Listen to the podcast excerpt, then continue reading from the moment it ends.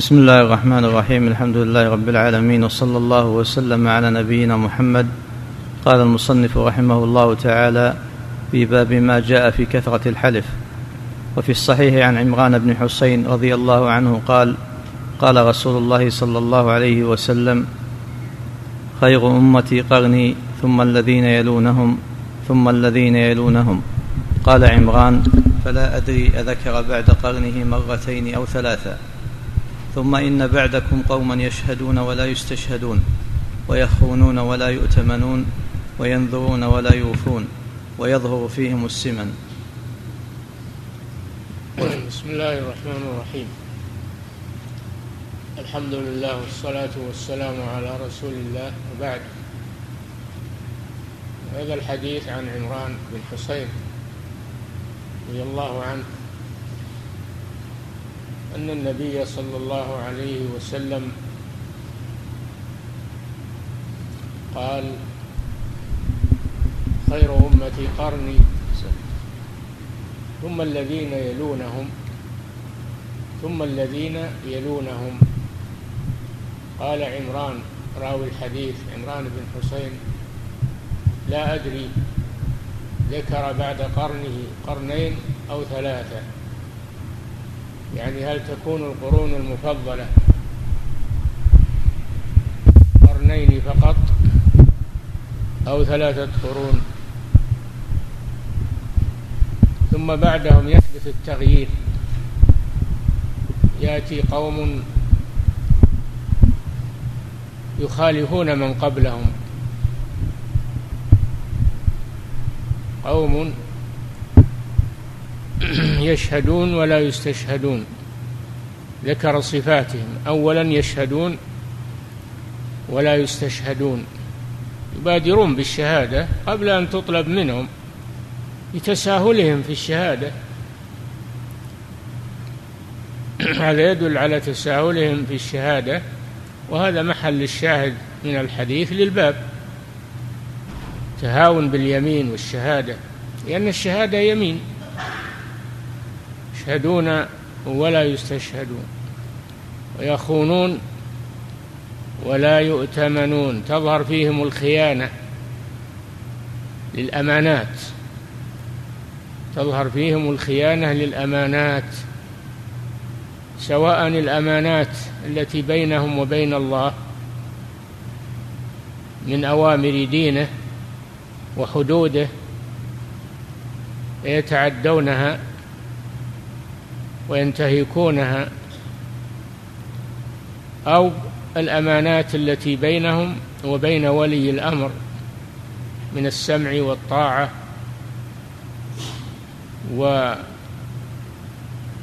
والقيام بما يعهد إليهم ولي الأمر من الأعمال على الوجه المطلوب أو الأمانات التي بينهم وبين الناس بين سائر الناس. فيخونون فيها من أمانات الأسرار وأمانات الودايع وسائر ما يؤتمنون عليه من الناس. تظهر فيهم الخيانة خيانة للأمانات. الله جل وعلا قال والذين هم لأماناتهم هذه صفات المؤمنين لأماناتهم وعهدهم راعون قال تعالى إن الله يأمركم أن تؤدوا الأمانات إلى أهلها. قال صلى الله عليه وسلم أد الأمانة إلى من ائتمنك ولا تخن من خانك. المفترض في المؤمن أن يكون أمينا لا يكون خائنا. هذا يظهر بعد القرون المفضلة. في الأمة. وينذرون ولا يوفون. النذر هو التزام طاعة لله ليست واجبة عليه بأصل الشرع. هو يلزم نفسه بها كالصلاه والصدقة وغير ذلك. والنذر إذا كان نذر طاعة يجب الوفاء به. نذر أن يطيع الله فليطعه. ومن نذر أن يعصي الله فلا يعصيه. والنذر من من أنواع العبادات. لا يجوز النذر لغير الله لا ينذر للقبور ولا للأضرحة ولا. إنما نذر الطاعة يكون لله عز وجل. هؤلاء إذا نذروا نذر طاعة لا يوفون به. والله جل وعلا قال وليوفوا نذورهم قال سبحانه في وصف الأبرار يوفون بالنذر فالخيانة في النذر عدم الوفاء به هذا من صفات المتكاسلين والمتساهلين. الإنسان أولا لا ينذر لكن إذا نذر وجب عليه الوفاء. إذا كان نذر طاعة وإن كان نذر معصية يحرم عليه الوفاء. نذر أن يعصي الله فلا يعصه. ولهذا تجدهم إذا نذروا تحقق لهم ما يريدون جاءوا يسألون ماذا يعمل بالنذر؟ النذر ثقيل والنذر صيام والنذر صدقة كثيرة يتلمس المخارج من هذا النذر مع أنه ألزم نفسه بها به يجب عليه الوفاء به. هذه صفتهم ينذرون ولا يوفون بالنذر. الصفة الرابعة يظهر فيهم السمن. سمن الأجسام لأنهم يتنعمون في الدنيا ويفسحون لأنفسهم باب الشهوات ويغفلون عن الآخرة يغفلون عن الآخرة وإنما همهم الدنيا والتمتع بها فيظهر عليهم السمن في أجسامهم والثقل والكسل. هذه صفاتهم. والشاهد منها أول هذه الصفات يشهدون ولا يستشهدون. الذي عنده شهادة يصبر إلى أن تطلب منه إذا طلبت منه أداها. ولا تكتم الشهادة. أما أن أن يذهب هو ويقول أنا عندي شهادة ويشهد بدون أن يطلب منه هذا دليل على تساهله. الشهادة إلا إذا لم يعل لم يعلم أن عنده شهادة وخشي أن يضيع الحق. إذا لم يكن هناك غيره ولو لم يشهد ضاع الحق يجب عليه أن يشهد لأجل حفظ الحق لصاحبه. أما ما دام ان فيه شهود غيره فهو لا يتقدم. فإن تقدم مع وجود غيره دليل على أنه يتساهل في الشهادة. هذا محل الشاهد من هذا الحديث.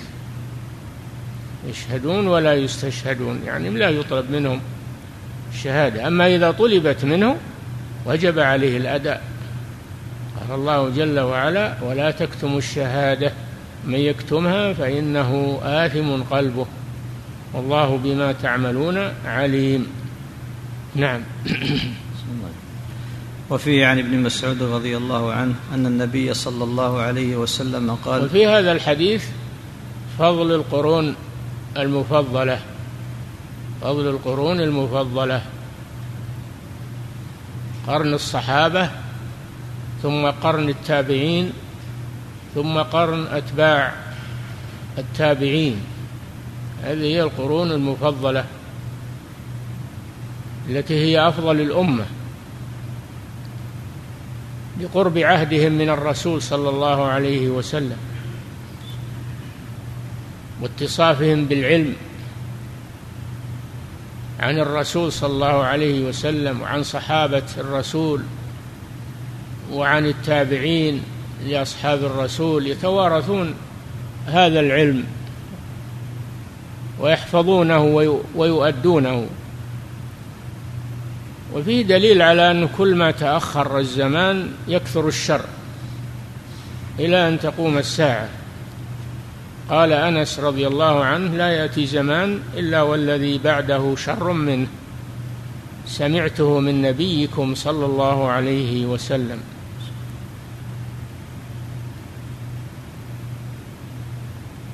فهذه القرون كان الشر فيها مكبوتا لا يظهر. ولا ظهر فرق في عهد هذه القرون في عهد الصحابة ومن بعدهم ظهرت القدرية ظهرت الجهمية و والشيعة. لكن كانوا مكبوتين لا يظهرون شرهم. وكانوا يلاقون من العلماء مواقف قوية فلا يظهر شرهم. فلما ذهبت القرون المفضلة ظهر شرهم في الأمة والعياذ بالله. خصوصا الشيعة ظهر شرهم في المشرق بنو بويه في المغرب الفاطميون وفيما بين ذلك ظهر شرهم ويزداد. قبحهم الله. وأعدى عدو لهم هم القرون المفضلة قرن الصحابة. ولذلك يطعنون في الصحابة ويكفرونهم ويتنقصونهم ويلتمسون لهم العيوب. هذا دأبهم ويلعنونهم. نسأل الله العافية. وإنما ظهر شرهم بعد القرون المفضلة. نعم. وفيه عن ابن مسعود رضي الله عنه أن النبي صلى الله عليه وسلم قال خير الناس قرني ثم الذين يلونهم ثم الذين يلونهم. ثم يجيء قوم تسبق شهادة أحد. فقوله لا أدري قول عمران لا أدري هذا شك من الراوي. هل قال الرسول ثلاثة قرون أو قرنين فقط؟ لكن يأتي في الحديث اللي بعده التأكيد والجزم بأنهم ثلاثة. نعم. وفيه عن ابن مسعود رضي الله عنه أن النبي صلى الله عليه وسلم قال خير الناس قرني ثم الذين يلونهم ثم الذين يلونهم ثم يجيء قوم تسبق شهادة أحدهم يمينه ويمينه شهادته. نعم. خير القرون قرني يعني الصحابة رضي الله عنهم. والشيعة تقول شر القرون قرن الصحابة. نسأل الله العافية. خير القرون قرني صحابة رسول الله صلى الله عليه وسلم. والقرن هو الجيل من الناس. الجيل يسمى القرن. واختلفوا في مدته. هل هو مئة سنة أو أقل أو أكثر؟ لكن القرن هو الجيل من الناس. خير القرون قرني ثم الذين يلونهم ثم الذين يلونهم. هذا فيه الجزم بأنهم ثلاثة قرون. ثم يأتي بعدهم قوم تسبق شهادة أحدهم يمينه ويمينه شهادته مما يدل على تساهلهم. في الشهادة واليمين. يبادر بذلك لأنه لا يهمه. أما الإنسان الذي يعظم اليمين ويحترمها فإنه يتأنى فيها ولا يتسرع ويتأكد منها. سبق يمينه وسبق شهادته دليل على تساهله وعدم تثبته. هذه صفة صفة ذم. ف وهو يدل على أن الواجب أن يتأنى الإنسان في الشهادة يتأنى في اليمين ولا يحلف إلا عند الحاجة ولا يشهد إلا عند الحاجة ويكون صادقا في ذلك موقرا للشهادة وموقرا لليمين. نعم والآن تساهلون في الشهادة اشهد لي واشهد لك. افزع لي. أنت ما فيك خير ما اشهد لي. ويشهد وهو ما يدري عن شيء لكن من باب المساعدة بزعمهم هذا لا يجوز. ما يشهد إلا من شهد بالحق وهم يعلمون. يعلمون ما يشهدون به. ما شهدنا إلا بما علمنا. لا يشهد الإنسان إلا بما يعلم. ولا يشهد إلا عند الحاجة. إذا خشي من ضياع الحق طلبت منه الشهادة أو طلب منه اليمين يحلف يشهد إذا طلب منه ذلك وإلا فإنه يسكت. حفاظا على يمينه وعلى شهادته. نعم. وقال إبراهيم كانوا يضربوننا على الشهادة والعهد ونحن صغار. قال إبراهيم النخعي إمام التابعين وهو من تلاميذ من تلاميذ ابن مسعود. من تلاميذ ابن مسعود في الكوفة. إبراهيم النخعي رحمه الله. كانوا أي آباؤنا والسلف يربون أولادهم على تعظيم الشهادة تعظيم اليمين. ربونهم على ذلك. ما يدل على احترامهم لها احترامهم لليمين. فيربون أولادهم على تعظيم الشهادة وتعظيم اليمين وإذا سمعوا من طفل أنه يشهد أو يحلف ضربوه تأديبا له لئلا يعتاد هذا الشيء ويتساهل تساهل فيه. فهذا فيه تربية الأولاد تربية الأولاد على الخير وكفهم عن الشر تعليمهم تأديبهم إذا احتاج الأمر إلى ذلك بالضرب. كما قال صلى الله عليه وسلم مروا أولادكم بالصلاة لسبع واضربوهم عليها لعشر. يضرب إذا احتاج إلى ضرب يتأدب. والتربية الحديثة الغربية الكافرة يقولون لا الضرب هذا منكر لا لا ما في ضرب. ما في ضرب ينكرون الضرب في التعليم والضرب في الزوج على زوجته إذا نشزت ينكرون هذا. وهذا ثابت في الشرع. والحاجة تدعو إليه وهو تربية. نعم. فيه مسائل الأولى الوصية بحفظ الأيمان. في هذا الباب على حسب ما جاء فيه من الأحاديث فيه مسائل فقه الباب فقه النصوص. لأن المطلوب ليس حفظ النصوص وقراءة النصوص بل المطلوب بيان ما فيها من الفقه والفوائد والدلالات حتى نستفيد منها. فهذا الباب فيه مسائل. الأولى الأولى الوصية بحفظ الأيمان.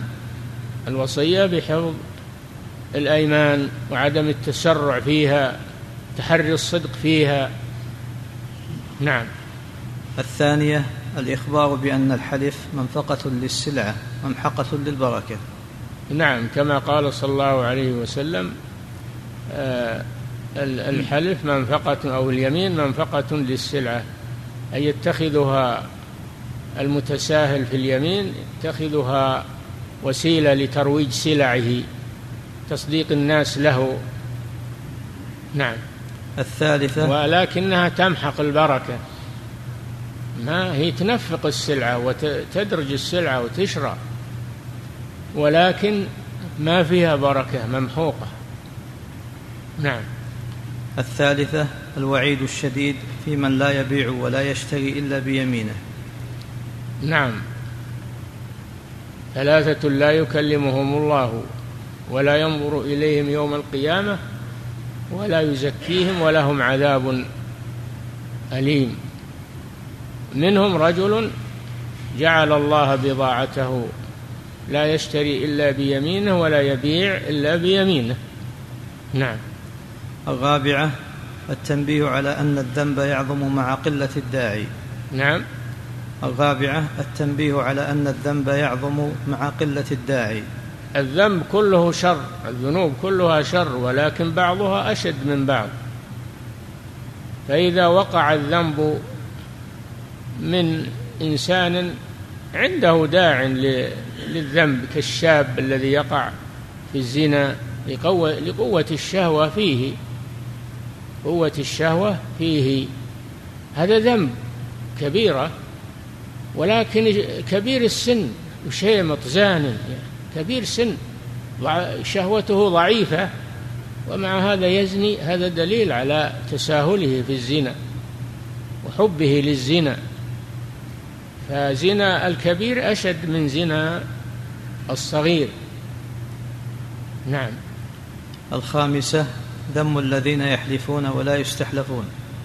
ذم الذين يحلفون ولا يستحلفون يتساهلون في اليمين. ويبادرون إليها مما يدل على أنها سهلة عليهم. نعم. السادسة ثناؤه صلى الله عليه وسلم على القرون الثلاثة أو الأربعة وذكر ما يحدث بعدهم. وهذه مهمة جدا. ثناؤه صلى الله عليه وسلم على القرون الثلاثة أو الأربعة المفضلة. وفيه من يذم هذه القرون ويشتمها ويلعنها. وفيه من يتنقص قدرها ويقول هم رجال ونحن رجال وليسوا فوق النقد وما أشبه ذلك. يتنقص الصحابة والتابعين وأتباع التابعين ويقول ليس هناك أحد فوق النقد. هم رجال ونحن رجال وما أشبه ذلك من الألفاظ السيئة. هؤلاء لهم قدرهم ولهم مكانتهم. الرسول صلى الله عليه وسلم أثنى عليهم ومدحهم. فهم يتميزون على سائر الأمة. نعم.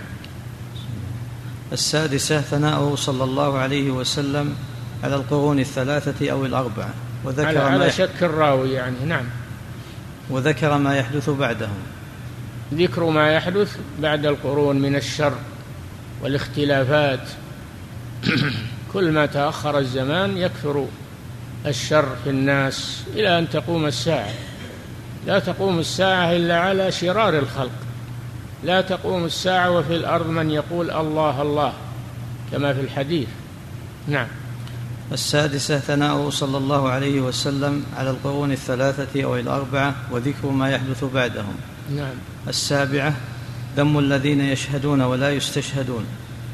ذم الذين يشهدون بدون سبب. ما تطلب منهم الشهادة لكن هم يبادرون بها تساهلا بها. فهم مذمومون. نعم. الثامنة كون السلف يضربون الصغار على الشهادة والعهد. نعم كون السلف يربون الصغار على تعظيم حرمات الله وعلى تعظيم فرائض الله تعظيم هذا الدين. ويضربونهم إذا اقتضى الأمر ضربهم تأديبا لهم. والآن ينكرون الضرب ويقولون هذا من العنف الأسري. هذا من العنف الأسري. يترك كل إنسان على ما هو عليه. تعطى له الحرية. فإذا أمر أو نهي أو ضرب عند الحاجة يقولون هذا من العنف الأسري. حقوق الإنسان تمنع من هذا إلى آخره. نعم. باب ما جاء في ذمة الله وذمة نبيه. الله تعالى أعلم وصلى الله وسلم على نبينا محمد وعلى آله وصحبه أجمعين.